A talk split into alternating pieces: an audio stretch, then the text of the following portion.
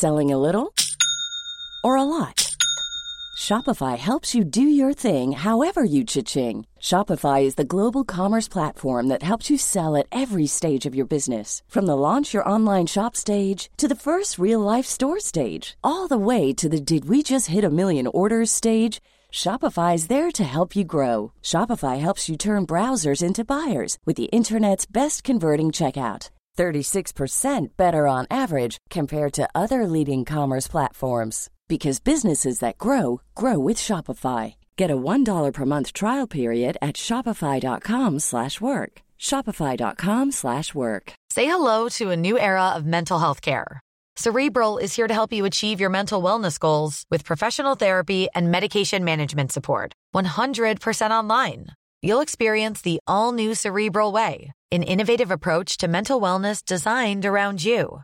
You'll get a personalized treatment plan from a therapist, prescriber, or both in a safe and judgment free space. Your cerebral therapist or prescriber will outline a customized plan with clear milestones along the way so you can get to feeling your best. With Cerebral, you're not alone in your mental health journey. We're here to empower you to live a fulfilling life.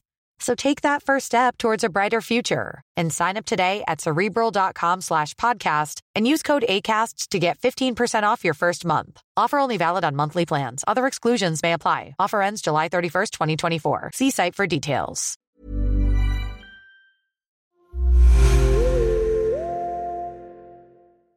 –2018 pekades den framstående industrimannen och miljardären Karl Hedin ut som ledaren för ett hemligt nätverk som genom illegal jakt och förgiftning försökte uppnå sitt mål om ett Sverige helt fritt från vargar. Vargen är ett skadedjur, vilket innebär att vi försöker skydda oss mot det. Och det kan man ju ha olika åsikter om, men vi tycker vi har rätt till att skydda oss emot vargen. Och räven analyserades och det konstaterades att den innehöll cyanid. Hon levde i den miljön som hon anger människor för brott ur.